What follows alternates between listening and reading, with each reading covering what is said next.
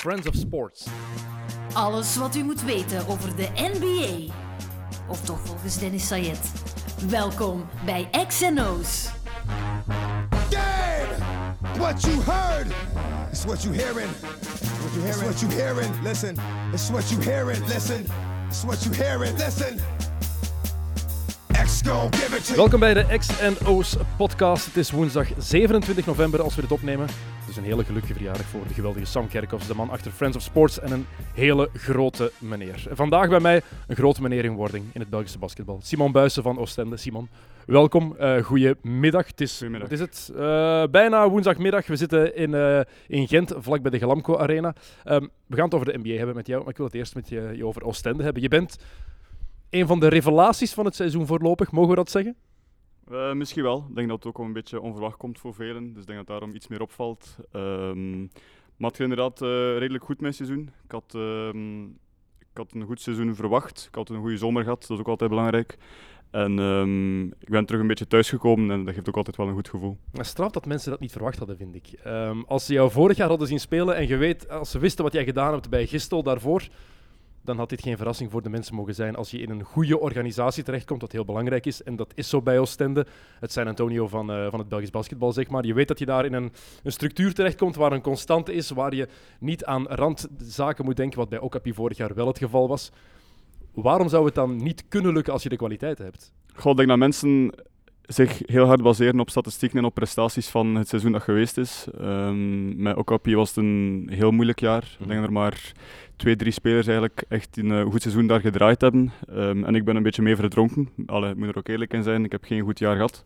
Maar niemand bij Okapi, hè? Als, niet alleen op het veld, maar zelfs daarnaast. Het was zo, er was zoveel chaos daar in de trainingsstaf, in de bestu- bestuurskamer. En dat is logisch dat het dan op het veld ook niet draait. Ja, absoluut, absoluut. We hebben van alles meegemaakt. Hè. Ehm, nieuwe spelers, eh, zelf nieuwe spelers die terug vertrekken, dus nog eens nieuwe spelers. eh, nieuwe coach, Tony van den Bos die er zelfs bij komt. Tony van den Bos die dan eh, overneemt eigenlijk. Ook al dat we heel goed wist dat het misschien wel te laat was om nog over te nemen en dat ik al eigenlijk al verdronken was. Ehm, gevechten op training, eh, van alles meegemaakt dat niet veel met basket te maken, niet veel met basket te maken hebben. Dus ehm, ja, ik ben blij dat die pagina bijna omgedraaid is. Gevechten op training. Hoor je vaker, hoor je, Michael Jordan heeft ooit Steve Kerr zijn gezicht geklopt. Dus eh, dat gebeurt ook in de beste teams. Ja, maar ik tuurlijk. veronderstel tuurlijk. dat dat bij jullie niet het juiste effect heeft gehad dan vorig jaar. Want vaak zie je dan, als er zoiets gebeurt, ofwel kan een team compleet uit elkaar vallen, ofwel zorgt dat net voor een, een extra bonding. Nee, het is ook de manier waarop dat gebeurt. Hè. Ehm, ik denk dat dat bij Jordan en Kerr misschien meer was door de competitiviteit en de intensiteit op training. En ik denk dat dat bij ons eigenlijk meer een frustratieklop was dan eh, iets dat op training gebeurd was. Dus ehm, Ik ga zelfs niet proberen om namen te vragen. Ik weet ook dat je, dat je ze niet gaat zeggen. nee, dat het, zie ik al, is zie ik ook- al aan je gezicht. het is ook niet echt van belang. eh, het is gepasseerd en ehm, het is al een speler die niet meer speelt. Dus eh, het is echt wel niet meer, niet meer van toepassing. Nu bij Oostende. Je zegt dat terug thuiskomen. Je hebt bij Gistel gezeten. Is dat echt zo'n geheel toch nog? Die tweede ploeg van Oostende en dan die A-ploeg? Want er zit wel een beetje een, ja, een, grens tussen. Hè? Ja, er zit een grens tussen. En ik denk dat met vertrek van coach eh, Sam Rotsaert misschien nog iets groter geworden is. Ehm, toen ja, ik er was, dus twee jaar geleden, trainen we eigenlijk elke dag mee. Waren we met 15 op training bij de eerste ploeg van Oostende. Trainen we als Duva eigenlijk als derde ploeg mee. Eh, dat is nu iets minder, alhoewel het terug opgebouwd wordt. Maar er is wel wat, ja, wat verlies eh, in kwaliteit natuurlijk. Als je ziet hoeveel spelers er eigenlijk via Duva in de eerste klasse zitten, is dat alleen maar een compliment naar hen toe. En het is logisch dat dat niet kan blijven duren natuurlijk. Zit er nu iemand bij die de kans maakt op termijn, denk je, om bij de, bij de A-ploeg te geraken? Want op dit moment hebben ze zelfs nog niet gewonnen, hè? Gistel. in Eh, nee, ze hebben nog niet gewonnen, inderdaad. Ehm, ik denk wel dat er, dat er potentieel zit. Ehm, ik ga misschien naar een van de jongste gasten, naar Quinten Smout gaan dan. Ehm, heel hoog IQ. Ehm, heeft nog veel werk aan zijn lichaam, maar ik ken dat wel van ergens. dus ehm, dat heeft tijd nodig en dat, dat kan er wel uitkomen, daar geloof ik wel in. De zoon van de coach van eh, Gistel, dat heeft er niks mee te maken. Het is een Nee, jongen nee, die nee. echt tot die kwaliteit heeft. Hij heeft ja. een fantastisch shot, hè? Fantastisch shot en Quinten was ook al, had ook al toegezegd voordat eh, zijn vader eigenlijk coach werd. En het is misschien wel, eigenlijk wel jammer voor Quinten zelf om eens niet uit de comfortzone te geraken. Ehm, hij had de beslissing gemaakt om eruit te stappen eigenlijk, En dan maar gaat hij mee. dan eh, gaat zijn vader uiteindelijk mee, ja, ook eh, door het vertrek van coach Sam natuurlijk. Ehm, Lijkt me niet gemakkelijk gecoacht worden door je pa. Als je echt prof wil worden. In je jeugd, oké. Als je, als je Benjamin of Pupil bent, ja, dat maakt er niet veel uit veel uiteindelijk. uit. Maar Nee, nee. als je 18 jaar bent, ik zou het daar moeilijk mee hebben. Mijn, mijn vader was ook een basketballer. Heeft mij ook zo wat opgeleid tussen aanhalingstekens. Nee, zeker ook omdat Echt? het is gemakkelijk gezegd hè, van ja, hè, ehm, hij traint mee met de eerste ploeg door zijn vader, hij krijgt 10 minuten door Tuurlijk. zijn vader. Het is gemakkelijk gezegd. Jaloezie is er ook natuurlijk, door alle concurrentie die er is. Dus eh, het is absoluut niet gemakkelijk, nee. Bij Oostende natuurlijk een heel ander gevoel dan bij Okapi en dan bij Gistel. Ehm, hoe zit dat met de druk? Voel jij die harder dit jaar dan dat je die, die de voorbije jaren had? Ja, er is absoluut meer druk. Ehm, het is zelfs zo dat bepaalde matchen gewonnen worden zonder echt een overwinningsgevoel te hebben eigenlijk. Als, we hebben gewoon onze job gedaan. Terwijl dat bij Aalst elke overwinning allee, toch wel een beetje gevierd werd als, als een, ja, ik ga niet zeggen als een kampioenschap, maar toch van oef, een goede overwinning. Ehm, terwijl er nu bij Oostende tegen sommige ploegen eigenlijk gewoon gezegd wordt van ja, goede job, eh, morgen is er training en eh, we gaan terug verder. Of net geen goede job, zoals tegen Brussels. Jullie winnen met twee punten, maar dat het was afgelopen vrijdag. Maar dat voelt dan als een bijna nederlaag. Omdat je een match bijna uit handen geeft. Ja, inderdaad. We stonden 20 punten voor die match en eh, we laten ze eigenlijk terugkomen. We hebben zelf nog, eh, Brussel heeft zelf nog een shot om de match te winnen eigenlijk. Misschien wel een van de betere winning shots mogelijkheden die er waren. Wat een play was dat. Ehm, dus ja, dat, dat wa- was een minder gevoel voor ons. Eh, ook al win je uiteindelijk, je hebt een beetje opluchting, maar toch ergens in het achterhoofd zit er wel van, ja, toch was het niet echt, niet echt super. Ehm, ja, bij Oostende spelen, iedereen denkt automatisch aan Dario Djadja. We gaan het straks over de NBA hebben, zometeen. Eh we moeten het toch even aanhalen. Hoe is het om voor Dario Djadja te spelen? Want de buitenwereld heeft daar een bepaald beeld van, beeld van omdat je ze hem enkel zien tijdens wedstrijden. Dat is niet echt de Dario Djadja die jullie kennen. Hè? Nee, nee, absoluut niet. Ehm, tuurlijk, het blijft dezelfde persoon en de uitbarstingen, zeg maar, eh, tussen aanhalingstekens, ehm, hebben enkel maar te maken met basketbal en de manier waarop alles moet gebeuren. Het is heel strikt ehm, en als er daarvan afgeweken wordt, ja, dan, is er, eh, dan botst het natuurlijk. Het is ehm, heel duidelijk bij hem, dus daarom eh, valt dat misschien wel zo hard op naar de buitenwereld toe. Hoe kan jij daarmee om? Want we zagen vorige vrijdag bijvoorbeeld, als we die match tegen Brussels er nog eens eh bijpakken, uh, Keijer van der Vuurs, die werd daar een paar keer compleet uitgescholden op zo'n agressieve manier. Als ik Keijes vader zou zijn, in de tribune bijvoorbeeld, ik zou denken, hey, niet zo tegen mijn zoon praten, hè gast. Want dat, dat lijkt wel ongelooflijk agressief. Hoe ga je daarmee om? Hoe plaats je dat? Ik heb ooit eens van eh, de grote Jean Salomon geleerd dat ehm, de bedoeling is dat je enkel naar de woorden luistert en alles er rond eigenlijk probeert weg te denken. Dat is een mooie Want tip. alle- alles wat hij zegt is 100% waar, maar het is alles er rond die het gevoelsmatig zoveel erger maakt, maar eigenlijk moet je dat proberen, eh, proberen weg te De cijferen. manier waarop hij de boodschap brengt, telt niet, maar wel de boodschap die hij brengt. Ja, absoluut, absoluut. Het is da- weer een vergelijking met San Antonio trouwens. Het is een beetje zoals Greg Popovich zijn spelers vaak aanpakt. Het is blijkbaar een tweede vader. Hij begeleidt ze als geen ander. Hij zorgt voor een echt groepsgevoel. Die ploeg is een soort familie. Kijk naar hoe Tony Parker jaren heeft aangepakt. En dat is exact wat Dario Djadja met heel veel spelers ook doet. Ja, inderdaad, inderdaad. Ik denk dat er geen betere vergelijking is. Zijn er dan ook uitzonderingen? Want blijkbaar bij San Antonio maakte Popovich geen uitzonderingen. Iedereen werd even hard behandeld. Al geloof ik nooit dat Tim Duncan even hard behandeld werd als Bryn Forbes bijvoorbeeld. Eh, ja, laten we dan Tim Duncan vervangen door Dusan Djordjevic en dan zitten we met hetzelfde verhaal. De, de man die de cultuur mee, eh, meegezet heeft. Ehm, jouw plafond, wat is dat, denk je? Je bent, je bent nog altijd maar, het, 22 jaar? Ja, 22. Eh goh, ik weet het niet. Ik denk, eh, na mijn jaar vorig jaar ben ik al heel blij waar ik nu sta. Ehm, Had je dat niet meer verwacht, dat je die kans zou krijgen? Na een, een, een rotseizoen? De kans had ik wel nog verwacht, ehm, maar toch is het altijd moeilijk om ook in een groep terecht te komen. Een nieuwe groep die wedstrijden gezien heeft van Aals, tegen ons gespeeld heeft, tegen mij gespeeld heeft, om je daar terug een beetje aan op te werken. Eh, gelukkig zijn de training daarvoor heel handig natuurlijk. Eh, maar mijn plafond is ja, moeilijk te zeggen. Heb je een Eh, doel? Ik zal het dan zo vragen. ja, Wat als, je, als je denkt van, nationale dat is wat ik wil ploeg. bereiken, zeker. Een nationale ploeg is zeker een doel. Ehm, en denk, als we zeggen naar het buitenland een, eh, een ploeg vinden, is een, een, een twijfelgeval misschien. Ik ben er nog niet helemaal zelf persoonlijk uit als dat iets is dat ik wil doen. Ehm, Zie jij het Belgische basketbal zelf, de competitie, rooskleurig genoeg in om hier te kunnen blijven? Want dat is, een belang, dat is belangrijk natuurlijk ook, die link. Hè? Of je naar het tuurlijk, buitenland tuurlijk. gaat of niet. Dat misschien niet. Er is wel denk ik, dringend een, eh, een verandering nodig in het Belgisch basket om ehm, gasten zoals mij en mensen die al langer bij de nationale ploeg zitten en zo eh, te houden. Ik denk dat we ook zien hoe meer buitenlanders vertro- allee, Belgen vertrokken zijn naar het buitenland. Dus daarin is er wel iets nodig. ehm, maar ik zeg het, ik ben eigenlijk vooral bezig met dit seizoen nog eh met Oostende. De toekomst van het Belgisch basketbal, er moet iets veranderen. Dat is één ding waar ik het over wil hebben. Ik, ben, ik zeg al jaren hetzelfde. Het is heel moeilijk, die, die Belgenregel, die er nu toch niet is gekomen, altijd een Belg op het veld. Ik vind goed dat die hier niet is. Er moet iets veranderen op dat vlak. Maar voor mij het belangrijkste voor de competitie, geen 8 van de 10 ploegen die de play-offs halen. Als dat nu al eens gewoon zou afgeschaft worden, hè, Zou dat niet het reguliere seizoen zoveel interessanter maken dat je bijvoorbeeld maar vier van de tien ploegen, dat je meteen halve finales hebt? Halve finale, finale. Heel veel ploegen gaan dat niet graag horen, maar dat zou re- de reguliere competitie toch zoveel meer waarde geven. Het zou het zeker intensiever maken ook, want nu uiteindelijk zijn er heel veel ploegen die eigenlijk voorbereiden naar de play-offs toe. Ja. Eh, een beetje, Je haalt ze toch? je haalt ze zeker toch, dus het is echt belangrijk om in de play-offs goed te zijn. Dat is natuurlijk overal zo, maar er zijn wel limieten natuurlijk. Als, eh, als er maar twee ploegen zijn die de play-offs niet halen, kan je wel heel ver gaan in, eh, in het voorbereiden van de play-offs. En zeker dit jaar, als je weet wat er bij Luik gebeurt, ja, dan is het eigenlijk al logisch dat er nog maar één ploeg is die de play-offs eigenlijk is niet haalt. Luik ploeg, telt ja. dan niet helemaal. Het is, het is erg. Ehm, ik wil een beetje een vergelijking beginnen maken tussen Belgisch basketbal en de NBA. En we weten in de NBA de laatste jaren, ik heb net nog eens een podcast beluisterd met Daryl Morey van Houston en, eh, en ehm, Bill Simmons, waar het over analytics gaat onder andere. En hoe dat de NBA heeft veranderd. Eerst moneyball in het baseball, dan in het basketbal. En niet enkel de cijfers, de punten, blocks, rebounds die wij nu allemaal bijhouden, maar ook hoeveel shots gecontest worden, hoe, ehm, hoeveel hustle plays er zijn. Er zijn zoveel meer statistieken die eigenlijk niet in de boxscore komen. Hoe zit dat bij jullie? Hoe wordt daar bij, eh, bij Oostende meegewerkt? Want ik weet niet of het Belgisch basketbal al genoeg mee is met die, tussen aanhalingstekens, trend van die Nee, nee, dat denk ik niet. Ik denk niet dat er bij ons eh, zoveel rekening gehouden wordt daarmee. Eh, ik denk dat wij nog altijd een normale boxscore, boxscore hebben. Dat er wel heel veel rekening gehouden wordt met de plus-min. Mhm. Dat is wel een belangrijke, belangrijke statistiek voor de coach. Ehm, maar zover zitten we inderdaad nog niet. Eh, Zou dat niet moeten? eh, ja, misschien wel. Ik denk als we de stap willen maken. Maar ik denk dat het ook natuurlijk allemaal met, eh, met geld te maken heeft. Ehm, ik denk dat alles een beetje daarop neerkomt.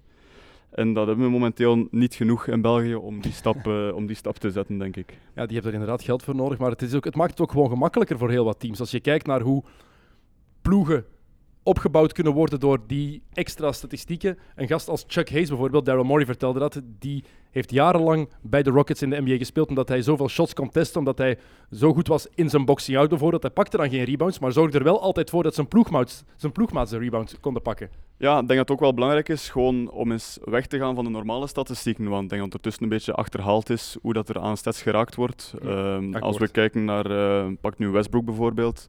Ik denk dat dat niet meer de juiste manier is om aan, eh, aan stats te geraken. Ehm, vooral vorig jaar dan. Dit jaar vind ik dat dat redelijk eh, binnen de perken blijft. Je bedoelt dan eigenlijk dat er gewoon alleen gekeken wordt naar punten, rebounds eh, en assists en dat dat eigenlijk geen, geen goede weerspiegeling is van wat er Ja, gebeurt. absoluut. Ik denk dat, er, ehm, denk dat Westbrook meermaals gezegd heeft van als ik u een pas geef, dan eh gooi je hem maar best binnen of anders zit ik achter u.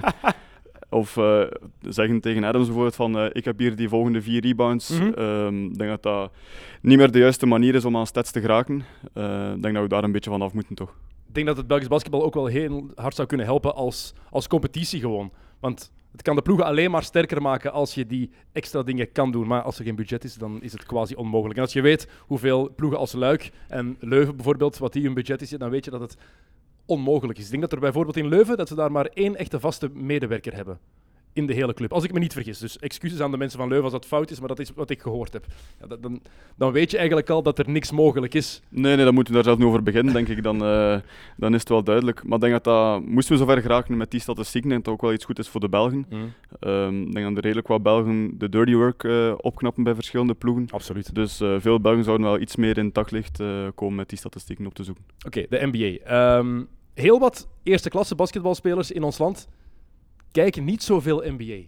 Ik vind dat straf. Er zijn meer voetballers die naar de NBA kijken dan, dan basketballers. Als ik dan even rondhoor bij heel wat, wat ploegmaats van jou of andere spelers, van ja, ik volg het wel een beetje, maar niet echt. En als, je dan, als ik dan stuur naar, naar Mats Rits bijvoorbeeld, of naar Yannick Toel of Brecht de Jager, en ze die volgen dat op de voet. Hoe komt dat? Zij, moeten jullie te veel basketbal zien? Eh, denk ik wel. Ik denk dat er ook nog ehm, vrij veel basketters zijn die voetbal volgen, bijvoorbeeld. Ja. Gewoon om maar eventjes uit die wereld te zijn. Ehm, maar toch vind ik het een, een sport apart. Zeg maar, ons basketbal, het Europees basketbal en NBA is totaal niet te vergelijken. Dus ehm, Wat zie jij liever? Als je echt moet kiezen. Een vrije avond, match NBA of een Europese topwedstrijd? als ik regular season ga ik voor een eh, Euroleague-wedstrijd, maar in de playoffs ga ik, mij toch voor, eh, ga ik toch NBA kiezen. Gewoon omdat de intensiteit zoveel hoger ligt dan. Eh, nu is eigenlijk bijna, ja, oefenwedstrijden zijn eigenlijk bijna, denk ik. Gelukkig zijn er ook sommige heel intensieve matchen. Kijk naar, wat is het, de Clippers tegen de Celtics bijvoorbeeld. Dan had je al een, een playoff gevoel. was een, was een fantastische wedstrijd. Ehm, de NBA, hoe ben je daarmee in contact gekomen? Speelde je al basketbal toen je dat hebt leren kennen? Of is het andersom gegaan? NBA leren kennen en dan beginnen basketten? Nee, eerst leren basketten. Ik denk dat ik uit een familie kom eh, dat enkel maar basket gedaan heeft. Ehm, ik ging vroeger met al mijn neven naar de training eigenlijk, dus elk familiefeest was altijd basket, basket, basket. Eh, dus zo ben ik eigenlijk in de NBA terechtgekomen met af en toe eens een wedstrijd op, eh, op tv. En zo ben ik verder blijven volgen. Ondertussen zijn er veel meer mogelijkheden met League Pass natuurlijk, volg je alles perfect. Wat een verschil. Ja, het is... Ik moest vroeger als klein manneke hopen dat er op CNN zo een samenvatting van, van twee minuten was of zo, van anderhalve minuut, want dat was dan het enige wat ik kon zien. En teletext. Dat bestaat zelfs niet meer. Dat bestaat Ja. zelfs niet meer. Dat is, dat is erg, hè? dat is erg. Ik heb dat vroeger nog, zelfs, zelfs nog gemaakt, eh, teletextberichten. Vreselijk. Ehm, de NBA dan, je bent daarmee in contact gekomen omdat heel jouw familie dat al volgde? Dus het is gewoon natuurlijk gegaan, zoals bij mij eigenlijk dan? Ja, ja, toch wel. Eh, ik had oudere neven, dus ehm, zij volgden al iets meer. Zij waren al iets meer mee, ik zal, zal ik zeggen. Ehm, en zo zijn we eigenlijk ingerold, een favoriete ploeg gekozen, favoriete speler gevonden. eh, en zo eigenlijk blijven volgen tot, eh, tot nu. Wat waren dat? Favoriete speler, favoriete ploeg? Eh, op dat moment was dat de Celtics. Dus Rondo, Allen, Pierce, Garnett Ja. en Perkins. Ehm, tegen de Lakers natuurlijk. Hè. Het is, Kobe was op dat moment natuurlijk in zijn prime. Ehm, dus dat waren eigenlijk de sterren. LeBron James kwam op. Ja. En zo zijn we eigenlijk verder geëvolueerd. En die liefde voor de Celtics, is die gebleven? Of ben jij daarvan afgestapt en, zoals de meeste van jouw generatie, eigenlijk spelers beginnen volgen? Ja, ik denk dat ik ook bij die generatie hoor. Ehm, ik zal me maar op de bandwagon gooien. Ehm, ik, heb, eh, ik, ik heb LeBron gevolgd, overal waar hij naartoe is gegaan. Ehm, Als, dat is wel heel contradictorisch. Eerst Celtics-fan, de ploeg die LeBron James altijd uitschakelt, maar toch een LeBron-fan zijn.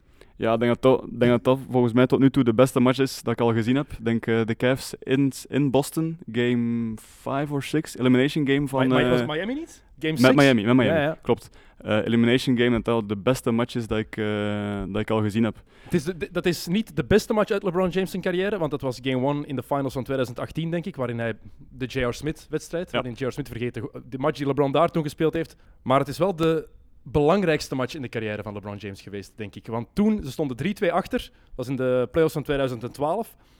En dan neemt hij helemaal over, van begin tot einde. En wat was het, 45 punten, 15 rebounds en 7 assists, denk ik, Ja, als ik het me goed Aan een herinner. belachelijk hoog percentage Ja. ook. ehm. dat is de match die voor de kentering gezorgd heeft. Want daarna hebben we een andere LeBron James gezien. Toen was hij wel die, die killer en winnaar ja. die hij daarvoor niet echt was. Ja, dat is waar. Dat is waar. Ik denk dat voor hem zelf, ehm, dat was ook na de Dallas-series, denk Ja. ik, het jaar ervoor, eh, heel belangrijk was. Ehm, maar om terug te komen op de Celtics, ehm, ze blijven wel een heel leuke organisatie om te volgen. Eh, ook nu hebben ze weer heel veel talent. Je hebt er een zwak voor nog altijd. Ja, ja, nog altijd. Gewoon de manier hoe dat alles daar gebeurt. De zaal vind ik bijvoorbeeld ook een van de beste, mooiste vloeren van, Mm. eh, van heel de league. Dat ziet er nog zo authentiek uit, hè? Ja, dat is de max. Ehm, dus daarom blijf ik ze wel volgen, ook de Celtics. eh, plus, er is geen echte superster meer. Ik ben heel blij dat Irving daar eigenlijk weg is. Wat een verschil. Dat is eh, een veradem- verademing voor heel de organisatie, denk ik. Ehm, Je hebt een point guard nu die van de ploeg houdt en die die ploeg niet van binnen wil kapotmaken. Nee, en dat verschil is ook heel, hard- heel hard duidelijk. Ook toen hij daar nog was, maar geblesseerd was, speelde de ploeg, speelde de ploeg zoveel beter. Ja, het ehm, dat het eigenlijk voor Irving ja, bijna onmogelijk was om nog te blijven, denk ik. Nou, je hebt die jonge gasten natuurlijk ook die het nu fantastisch doen. Jalen Brown en Jason Tatum hebben allebei de stap gezet die iedereen vorig jaar van hen verwachtte. Ja. Wat met Kyrie dan blijkbaar niet ging. En niet alleen offensief, maar ook defensief. Die twee zijn superstars in wording, denk ik. Tenminste, één van de twee toch zeker heeft het potentieel om een superster te worden. De andere om gewoon een, een ge- geweldige tweede, derde optie te zijn. Ja, zeker en vast. Ik denk dat ze, met, ze hebben nu een, eh, vier verloren matchen op 16. Dus Mm. ehm, ze brengen duidelijk wel, eh, wel wat kwaliteit en zijn er ook vroeg in het seizoen klaar voor. Ik denk als ze gespaard blijven van, eh, van blessures, dat ze ver kunnen Ja, geraken dat is in het de ding net. Hè. Twa- Ze zijn 12 en 4 nu, maar ze worden niet gespaard van blessures. Gordon Hayward heeft dan zijn, zijn hand gebroken, is nog zeker vijf weken oud. Kemba Walker, die die hele vuile val gemaakt heeft, Ja. die gelukkig nog meevalt, ehm, had erger kunnen zijn. Marquise Johnson, denk ik, of Marquise Daniels, zijn carrière is daardoor gestopt door een gekneusde ruggengraat. Het is gelukkig niet het geval, maar dit Boston is leuk eh, om te zien. Als jij dan moet kiezen, want je bent LeBron James liefhebber ergens en je bent Boston Celtics fan geweest. LeBron zit nu bij de Lakers, de grote vijand van de Celtics. Hoe, hoe kies je daarvoor? Of maakt het jou totaal niks uit? Nee, ik denk ook dat die rivalry een beetje gaan liggen is al. Denk je dat? Ja, ik heb niet meer gevoeld dat hetzelfde is zoals vroeger.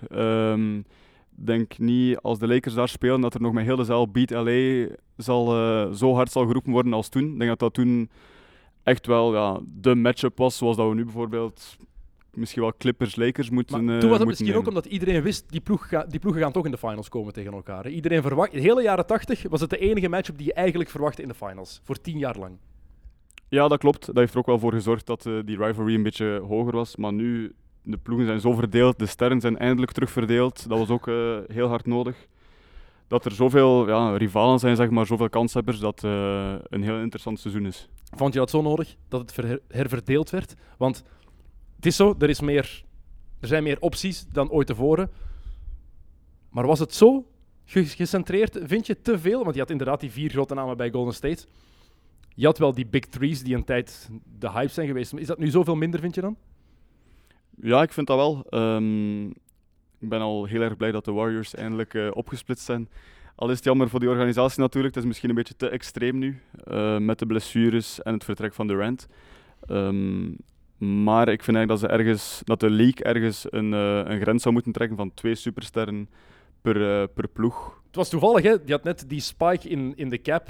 Het salarisplafond, net ineens toen was het uitzonderlijk dat, ze, dat, dat elke ploeg meer kon uitgeven, elke keer. En ze hadden Stephen Curry aan dat goedkope contract. Niemand wist, toen Curry dat contract tekende in het begin, toen vonden sommige mensen dat zelfs te veel. Hè?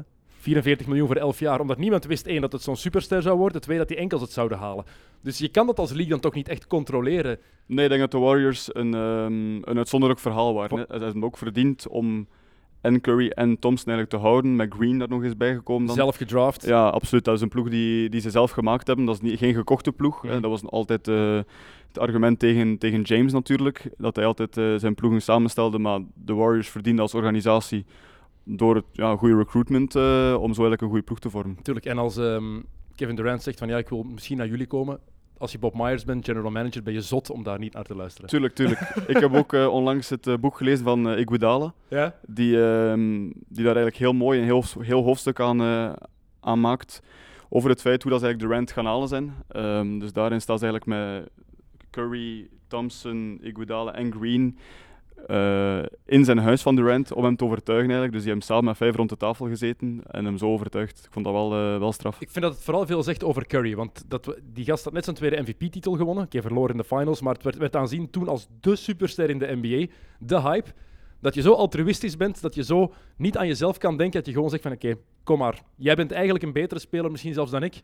Maakt niet uit, kom maar in de ploeg. Het enige wat ik wil is winnen. Er zijn heel veel spelers, zeker in de NBA, die een te groot ego zouden hebben daarvoor. Denk ja, ik. tuurlijk denk dat het ook wel eh, een beetje Curry typeert, zeg maar. Ehm, plus ook, ja, niet onderschatten wat dat Thompson en Iguodala gedaan hebben. Ehm, een beetje de dirty work. En ik denk dat Thompson ook wel een grotere rol aan kan dat hij tot nu toe al gekregen heeft. Mhm.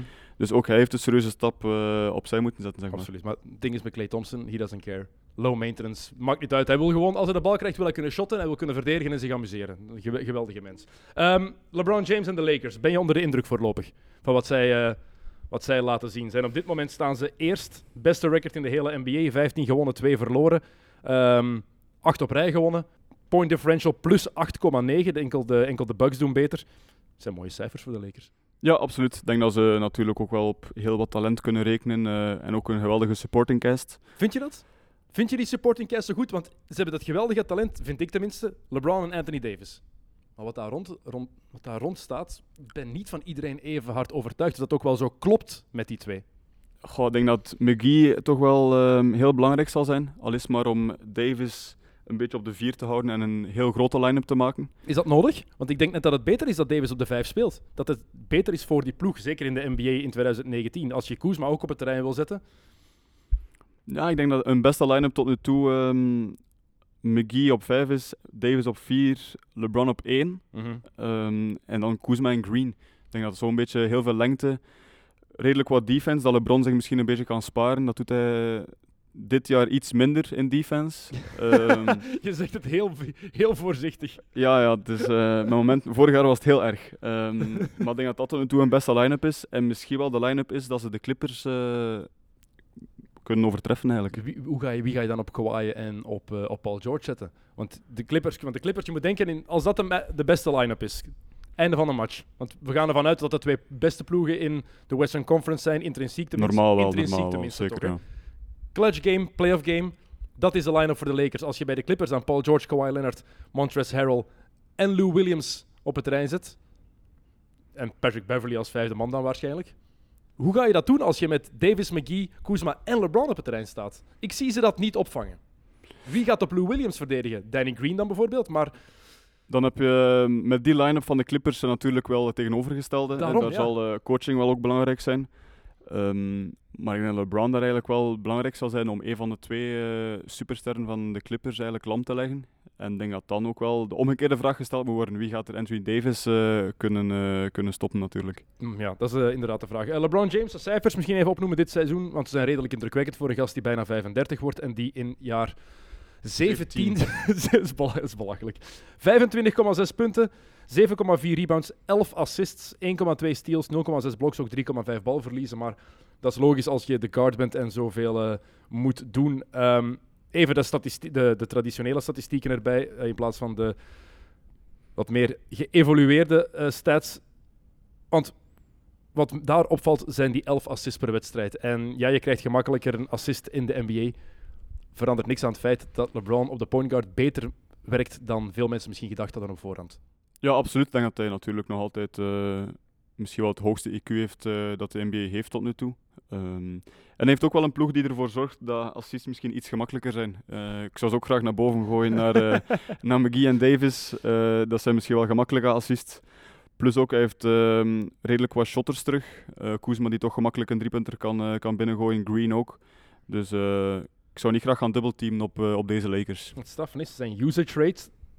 Dat is heel belangrijk om te, uit te rekenen hoeveel iemand gebruikt wordt als hij op het veld staat. Ehm 30,9 procent zijn 16 spelers die een hogere usage rate hebben. Eén daarvan is, één daarvan is eh, Taco Fall, dus dat telt al niet mee. Omdat hij eh, amper op het veld staat natuurlijk. Als je het vergelijkt, die van James Harden is 37,9. Dat is eigenlijk de nummer 1 qua, Ja. qua supersterren. Ja, dan zie je toch wel dat die ploeg nu al veel leunt op LeBron. Dat ze hem heel hard nodig hebben. En is de vraag, gaat hij dat een heel seizoen volhouden? Want het is, we zeggen de hele tijd, het is knap. 35 jaar speelt alsof hij 25 is. Ooit moet dat lichaam toch eens beginnen breken. Ik hoop dat niet, maar ik vraag me dat zo hard af hoe dat kan dat hij dat blijft volhouden. Wel, ik denk niet dat eh, het breekpunt dit seizoen zal zijn. Ehm, vorig jaar heeft hij toch een blessure gehad. We Ja. moeten zelf dat al speciaal noemen, want LeBron heeft een blessure. dat, is, dat is echt... Ehm, maar ik denk dat hij daar ook door de playoffs te missen toch wel een, eh, een serieuze rustperiode heeft kunnen, eh, kunnen inbouwen. Maar de vraag is natuurlijk, is het niet een beetje vroeg om eh, midden november al zo'n zo'n minuten te spelen? En eigenlijk, ja, hij heeft het persoonlijk genomen, hè, de Washed King. Eh, hij laat het genoeg naar buiten brengen, maar het is, is een persoonlijke. gezegd? Ik denk dat dat iets is dat hij zelf creëert. Want iedereen zei gewoon van, ja, kijk, LeBron, misschien word je eindelijk effectief wat ouder. Dat is alles. Er is nooit gezegd dat hij washed. Was gewoon van, ja, de leeftijd misschien. Dat is... Ja, ik denk dat hij dat heel persoonlijk opgenomen heeft. Ehm, aan de andere kant, ehm, als iemand dat nodig heeft om zoiets eh, te creëren zelf, en dan die statistieken op, eh, op tafel kan leggen, dan mogen dat voor mij gerust doen. Ehm, ik denk dat ook zijn, zijn driepuntpercentage belangrijk is. Ja. Ehm, ik denk dat sommige mensen dat soms al onderschatten. 35% is, niet, eh, is absoluut niet slecht natuurlijk. Hè. Dus, Dat is alles behalve slecht. Maar 35 minuten per match, dat is inderdaad niet veel op dit moment. Wat vind jij van dat load management gedoe? Ik ga er niet te lang over praten, want dat heb ik met Francisco Elson vorige keer al lang genoeg gedaan. Ehm, mijn standpunt daarin is, ik heb liever dat ze minder minuten spelen per match dan, dan dat ze complete wedstrijden uitzitten. Ja, ik denk ook dat complete matchen uitzetten eigenlijk ja, bijna niet houdbaar is. Ik denk voor de league eigenlijk zelf. Ehm, het is zo'n zo'n business dat ja, mensen komen van overal om voor het eh Kawhi Leonard te zien. We zouden het, grootste voorbeeld nemen van load management. En als die dan net beslist van ik doe vandaag even niet mee, dan is dat toch wel eh, heel zuur, voor die, niet alleen voor die mensen, maar ook gewoon voor de organisatie. Ja, absoluut. Ehm, over basketbal-IQ gesproken, je zei het, LeBron James, het hoogste basketbal-IQ dat er in de NBA rondloopt op dit moment. Hoe zit, met, hoe zit dat met eh, Luka Doncic, volgens jou? Oh, hij zit er dichtbij natuurlijk. Hè. Ehm, ik denk dat Luca het voordeel heeft dat hij Europees eh, toch wel wat ervaring heeft met de Euroleague te winnen. Eh, Wel wat ervaring. dat hij ook wel het spelletje heel goed begrijpt. En ook op een andere manier dan wat er in de NBA gebeurt. Dus ehm, ik denk dat dat een heel groot voordeel is voor hem. Maar ik denk ook dat niemand verwacht dat hij op die leeftijd ik denk een 30, 10 en 10 eh, average tot nu Mm. toe. Dus dat is wel absurd eigenlijk. Het is bijna niet te geloven. Hoe zie je dat dan, dat hij de dingen anders ziet dan heel wat NBA-spelers? Hoe zie jij dat? Goh, ik denk dat in Europa de pick-and-roll veel belangrijker is. Ehm, en eigenlijk wat erna gebeurt. In de NBA zien we vaak pick-and-roll alley-oop en me- daarmee is de aanval eigenlijk gefinished. Maar in Europa gaat toch wel een stap verder. En ik denk dat daarin zijn voordeel ligt dat hij dat allemaal gezien heeft, dat allemaal getraind heeft. En dat hij dat ook een beetje bij Dallas kan, eh, kan integreren op dit moment. Dat hij meer heeft dan één of twee opties, dan ofwel die optie alleen gaan ofwel die meteen die alley Ja, ik denk dat hij heel goed de weakside leest. Ehm, en met Porzingis ja, is natuurlijk ook, eh, ik zal zeggen, niet zo moeilijk samenspelen. Hij kan eh, ook alles. En Dus, toch werkt eh, het nog niet helemaal. Dat vind ik het straffe. Als je kijkt naar Dallas, hij speelt liever een ping roll met Maxi Kleber of met Dwight Powell dan met Porzingis. En dan zie je Porzingis daar gewoon staan als shooter eigenlijk rond de driepuntlijn. Ja, natuurlijk. Kleber is een Duitser ook. dus dat zal misschien ook wel, ook wel iets mee te maken hebben. Hè, dat Europees direct wat gemakkelijker klikt. En ik denk dat Porzingis ook wel nog een beetje tijd nodig heeft. Dat we die nog wel wat tijd moeten geven, ook na zijn, eh, na zijn verloren jaar. 20 maanden is hij oud geweest natuurlijk. Ja. Ehm, Luka Doncic, 20 jaar, dat is twee jaar jonger Ja. dan jij. hoe, hoe schat je dat in? Want jij weet hoe hard het is om, om je, je plek te krijgen in eerste klasse in België. Dit is een gast van 20 jaar. Die heeft nu al de Euroleague gewonnen, Euroleague MVP, Spaanse titel gewonnen, Spaans MVP, Europees kampioen geworden met Slovenië ehm, toen hij amper 18 was. Ehm, nu Rookie of the Year. En in zijn tweede jaar in de NBA een van de grote kanshebbers om MVP te worden na een maand. Want het is veel te vroeg om het daarover te hebben, maar hij is wel een van de frontrunners. Hoe, hoe, kan jij dat inschatten? Ja, het is, het is met, niet met woorden heel moeilijk te beschrijven wat hij doet natuurlijk. Ehm, en denk als je gewoon naar de highlights kijkt en naar de matchen kijkt die hij speelt, dat je niet kan zeggen dat hij zo jong is. Hij speelt zo, zo rustig en alles lijkt zo gemakkelijk te gaan dat hij eigenlijk, ja, hij speelt eigenlijk echt met, eh, met zijn tegenstander op het moment. Als je kijkt naar de match van Doncic, je hebt de flashy stepbacks, je hebt die balhandeling en zijn lekkere passing. Wat mij altijd het meeste, het meeste indruk op mij maakt, is hoe hij bijvoorbeeld over een screen gaat, hoe hij nu al die rust inderdaad heeft om te wachten. En hij ziet er echt uit als een, als een trage vent soms. Hè. Het is niet zo, maar het lijkt soms wel zo. Ja, hij ziet er niet echt een, eh, een NBA-atleet uit, zeg maar. Eh, ik denk dat dat een jongen is die eigenlijk gewoon op straat kan tegenkomen en niet zegt van, amai, eh, dat is Luka Doncic. Als je pick-up basketbal speelt, Ja, zou ik misschien ook wel op die, op die gaan staan. Ik zou het Ja. mij beklagen, denk ik, maar... voor kan- de match. Hè. ja, ja, absoluut. Ehm, nee, ik denk dat hij ja, alles zo gemakkelijk laat lijken en ook eh, zo rustig is, inderdaad. Hij is ook, ziet er ook niet super atletisch uit, Mhm. al trekt hij die bal er toch redelijk gemakkelijk door, na, naar mijn mening. Ehm, maar ja, het is een uitzonderlijk talent. Ik denk dat er niet, denk dat er niet veel zijn die zijn parcours zullen evenaren. Natuurlijk, atletisch vermogen is ook meer dan enkel hoog kunnen springen of, enkel, of supersnel zijn. Het is zoveel meer dan dat. En als je kijkt bij Luca, je zet hem niet zomaar aan de kant bijvoorbeeld. Als hij in de Nee. post verdedigt. En dat is, hoort ook bij atletisch vermogen. Die snelheid van uitvoering die hij ook heeft, dat hoort ook bij atletisch vermogen. Die balhandeling, dat die snelheid van die, dat hoort daar ook allemaal bij. Maar dat vergeten we. Want voor, voor heel veel mensen is een atleet enkel iemand die heel hard kan dunken of ongelooflijk snel is. Ja, absoluut. Ehm, ik denk dat daar misschien zijn, zijn zwakkere punt nog ligt. Dat hij tegen die atleten, de standaard NBA-atleten, misschien eh, toch wat achterstand heeft of niet hetzelfde lichaam heeft. Dat hij in verdediging misschien niet altijd goed, eh, goed uit de verf komt. Maar aan de andere kant, als je meer punten maakt dan je tegenstander, is het allemaal oké, denk ik. Dus eh, ik denk dat hij dat wel mag, eh, mag permitteren om af en toe een keer een defense af te nemen. Het leuke aan Luca is ook, hij ziet, dat is wat LeBron ook altijd heeft gehad. Hij ziet van die angles in de defense, ja, in zijn offense, maar die de defense hem geeft, die andere mensen niet zien. Dat kleinste gaatje, hij vindt dat en hij durft die bal ook geven.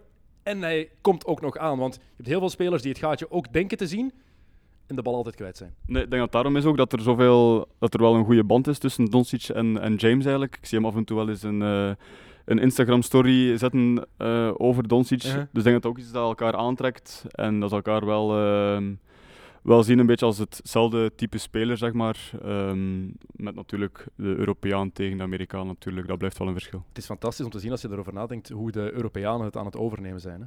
Als je kijkt hoe de international players de laatste, wat is het, pff, 20 jaar eigenlijk een belangrijk, meer belangrijke rol krijgen, een belangrijkere rol krijgen. En dan nu zie je de MVP is een, is een Griek. Ja, misschien, terwijl we misschien zelf dachten na Nowitzki en Parker, dat misschien wel een beetje gedaan was voor ons. Eh, maar het tegendeel is, eh, is meer dan bewezen. En je hebt met Porzingis en Let die daar rondloopt. ehm, maar Doncic is wel de toekomst. En hoe meer ik erover nadenk, ik heb altijd al gedacht van hoe kunnen drie ploegen die hebben laten gaan. En nu nog altijd Phoenix. Je hebt met Kokoskov toen had je de bondscoach van Slovenië.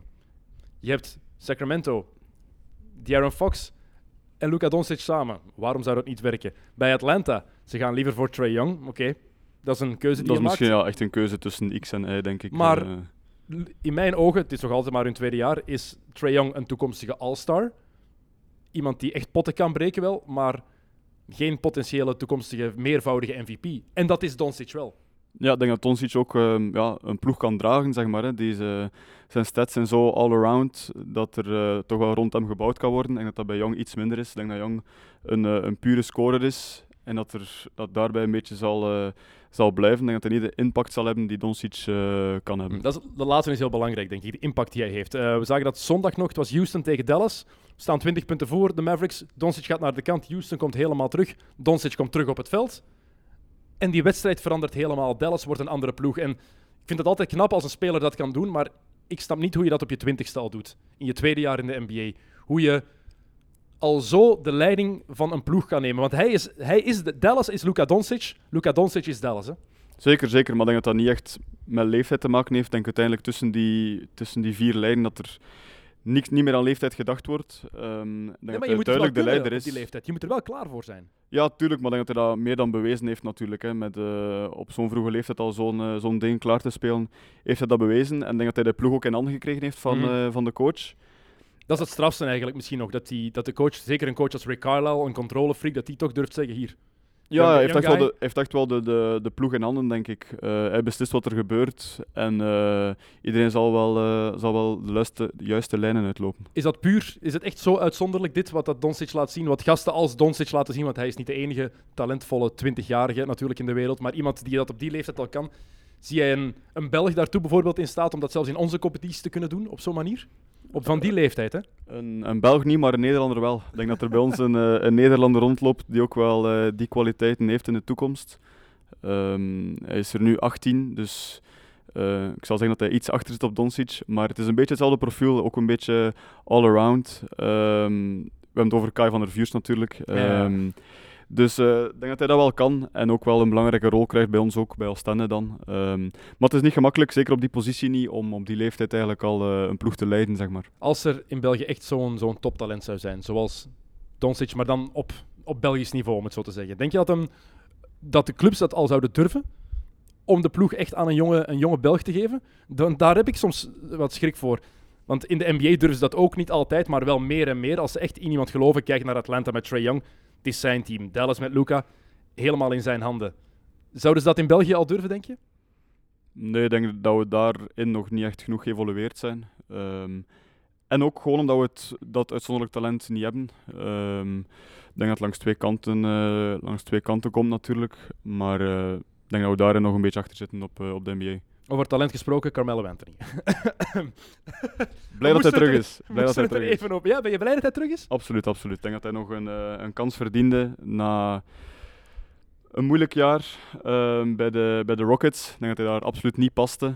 Ehm, ik snap ook niet dat hij zelf geprobeerd heeft om naar daar te gaan. Ehm, Nee, vond, ik vond het op papier de perfect fit. Op papier. Nee, ik ben absoluut geen, geen Houston-fan, ik moet dat wel toegeven. Ehm, absoluut niet mijn type spel. Ondanks wat dat Harden doet, heel uitzonderlijk is. Eh, het zijn cijfers om u tegen te zeggen. Maar ik denk dat Mello, ja, ik heb hem bij de New York Knicks nog gezien, ook wel een beetje een, een ploeg moet hebben en een ploeg moet leiden. Ik denk dat er ja, op dit moment niemand hem een ploeg durft geven. Hier zeggen van Mello leidt maar de aanval. Is hij, niet en- goed, ge- is hij niet goed genoeg meer voor? Nee, ook. En, eh, maar ik ben toch wel blij dat hij nu een serieuze kans krijgt bij de, om eigenlijk ja, de second unit van de Trailblazers eh, te leiden. Nu start hij uiteindelijk nog, maar keer dat iedereen terug is, zal hij wel naar de second unit Gaat gaan, hoop bank- ik. Gaat hij van de bank willen komen? Het blijft Carmelo Anthony. Hij zegt nu wel van ja, ik, ik, ik, ik aanvaard een verminderde rol. Ik geloof er echt geen hol van. Echt, kom op, blijf mellow, hè? Ik denk dat hij niet anders kan. Ik denk dat hij liever die rol aanneemt of nog eens een, eh, een paar maand eh, thuis zitten. Ik denk dat hij niet anders kan. Eh, hij heeft niet meer, inderdaad niet meer het status om, een, om te starten en dan de ploeg eens te leiden. Ik denk dat hij meer deugd zal hebben, meer dat hij recht zal komen bij een second unit eh, belangrijke rollen. De eerste vier matchen bij Portland. Ik vind nu niet dat hij zo'n fantastische impact heeft gehad. Ehm, ik denk nog altijd niet dat dit een speler is die een ploeg beter maakt. Dit was vroeger wel zo, want was, vergeet, Jan Carmelo, zeker bij Denver, was een fantastische scorer. Toen hij uit college kwam, hij was de eerste die echt van die, van die klas met Wade, Bosch, LeBron en Melo, hij was het meeste klaar van alle vier Ja, in zijn eerste jaar. Hij was de ready-made superstar, titel bij Syracuse. Maar nu, ik zie dat niet meer gebeuren. Tegen eh, de Bulls had hij dan een fantastische match. Wat was het? 25 punten. Ja. Ehm, over Alex English gesproken, 18e aller tijden zeker nu op de topscorerslijst. Ehm, maar ik zie dit niet werken. Zeker niet met dit Portland. Nog altijd niet. Je hebt McCollum, je hebt Lillard, dan Carmelo Anthony, je hebt Ken Bazemore, Hassan Whiteside loopt daar rond, want Nurkic is nog altijd geblesseerd. Wie gaat daar verdedigen? Wie gaat daar ook maar één keer een beetje verdedigen? Ik denk dat ze gaan proberen meer, eh, meer te scoren dan hun tegenstander. Een uh, oldschool NBA-actie, dat zal zijn. maar eh, goh, ik denk dat het een beetje het verhaal is dat Anthony eigenlijk ook echt een pure scorer is. En dat hij minder impact heeft dan een, eh, een Doncic bijvoorbeeld. Gewoon qua all-around.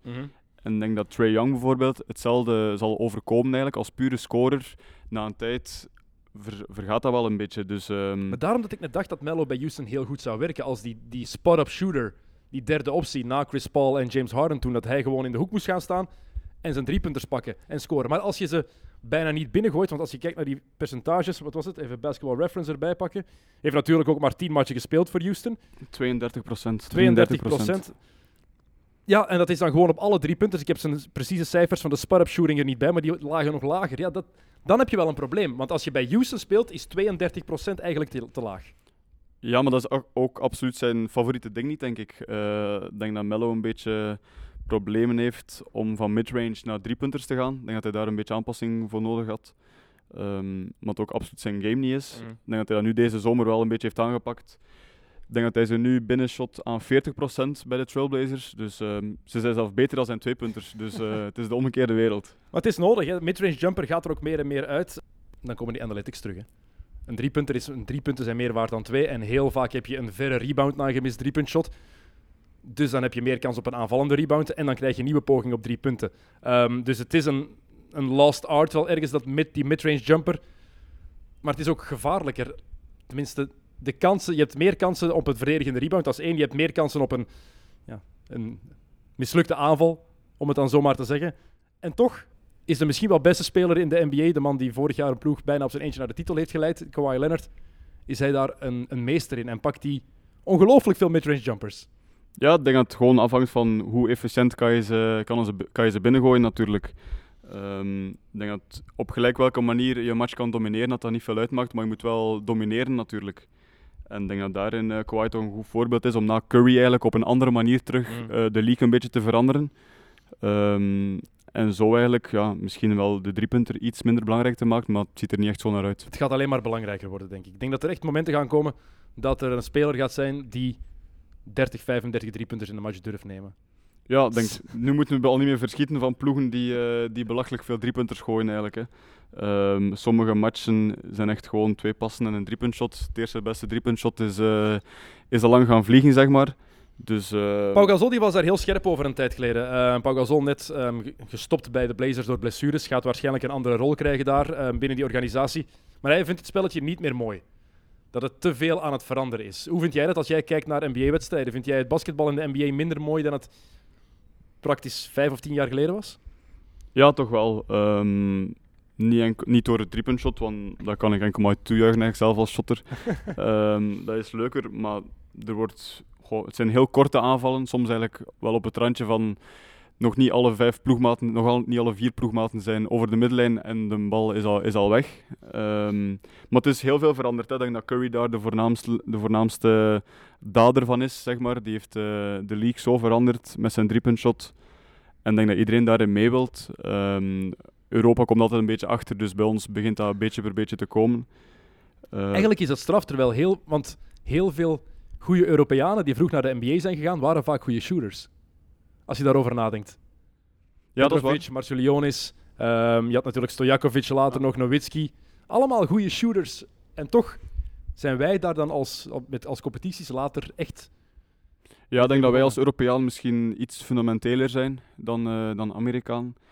En ik denk dat daarin een beetje de, de switch is gemaakt. En ik denk dat die Europeaan die daar straks opnoemt, misschien nu wel nog belangrijker kon zijn voor hun ploegen dan, eh, dan als ze vroeger waren. Eh, die Europese stijl, is dat ook iets waar jij op let bij eh, ploegen in, in de NBA? Als je, als je op een avondje League Pass opzet en er zijn tien matchen en je moet kiezen, kies je dan ook voor de ploegen waar je van weet van kijk, dit, hier gaat het collectief echt wel overheersen. Ja, ja, toch wel. Ik ga hier op een match bekijken van Harden en Westbrook en de Rockets. Ik snap dat helemaal. Ik, ben ook, ik, ik zie ze niet graag spelen. Het is ja, jammer. Ik vind dat de moeite niet waard om, om naartoe te kijken. Ik te vind dat voorspelbaar. Te voorspelbaar en te, te eenzijdig ook. Eh, het is, eh, ze zijn heel goed in wat ze doen, maar het is wel altijd hetzelfde. En het komt op neer op mates of misses. Dus Mm.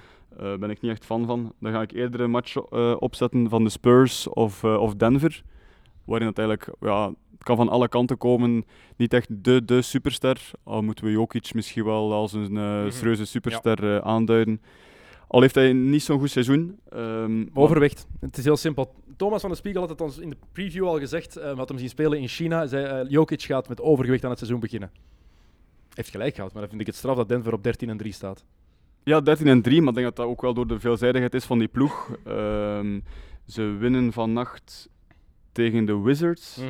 En ze hebben daarin zes spelers in dubbele cijfers. Dus ik denk dat dat ook wel, eh, wel aantoont dat daar van alle kanten komt eh, aanvallend. En natuurlijk, Jokic pakt daar 20 rebounds eh, op zijn dode gemak met zijn overgewicht. Dus eh, ja, maar het is wel zo. dat kan hij nog altijd. Dus, ehm, Het is wel dankzij Jokic dat dit een Europese ploeg is geworden eigenlijk. En nog zo'n Europeaan trouwens die het fantastisch doet. Want hij is eigenlijk de, de spelverdeler van die ploeg zonder de point guard te zijn. Ja, ik denk dat dat heel belangrijk is. Ehm, hij dribbelt een bal op ook. eh, als hij de rebound pakt, eh, lopen er vier mensen naar voren en dribbelt hij rustig de bal op natuurlijk. Dus als center is dat wel... eh, en als ploeg ook is dat iets wel een serieuze troef om, om te hebben. En hij verdeelt het spel. De vier anderen bewegen eigenlijk rond hem.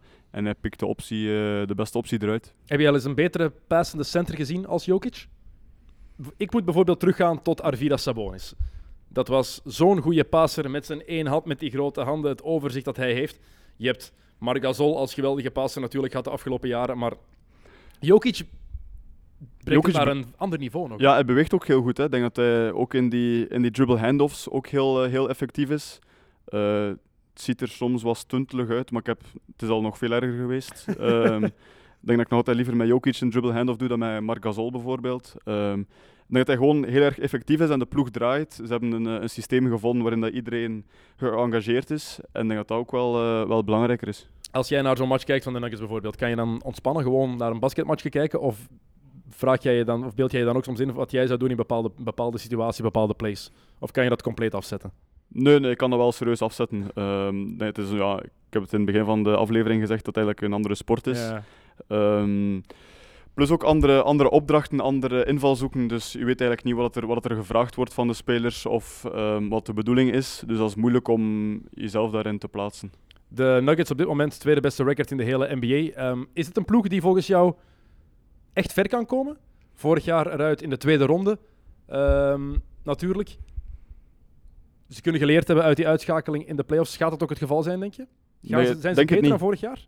Denk niet dat ze beter zijn dan vorig jaar. Eh, ze zijn misschien wel iets breder nog. En dan verwacht ik Michael Porter Jr. nog, eh, nog op niveau terug eigenlijk. Maar ik denk niet dat ze de ploeg hebben om, ehm, om echt zo Western Conference eh, champion te worden bijvoorbeeld. Dat zie ik niet, niet direct gebeuren. Enkel door de reden eigenlijk dat ze misschien een, een superster missen dan. Het voordeel dat ze daardoor op een, in een Europese stijl spelen, verliezen ze dan een beetje in de playoffs. Ehm, waar het fysische natuurlijk heel, eh, heel erg belangrijk is. En dat ze daarin soms eh, gedomineerd worden. Ik denk dat ze vorig jaar in de, in de tweede ronde eruit gaan tegen Portland.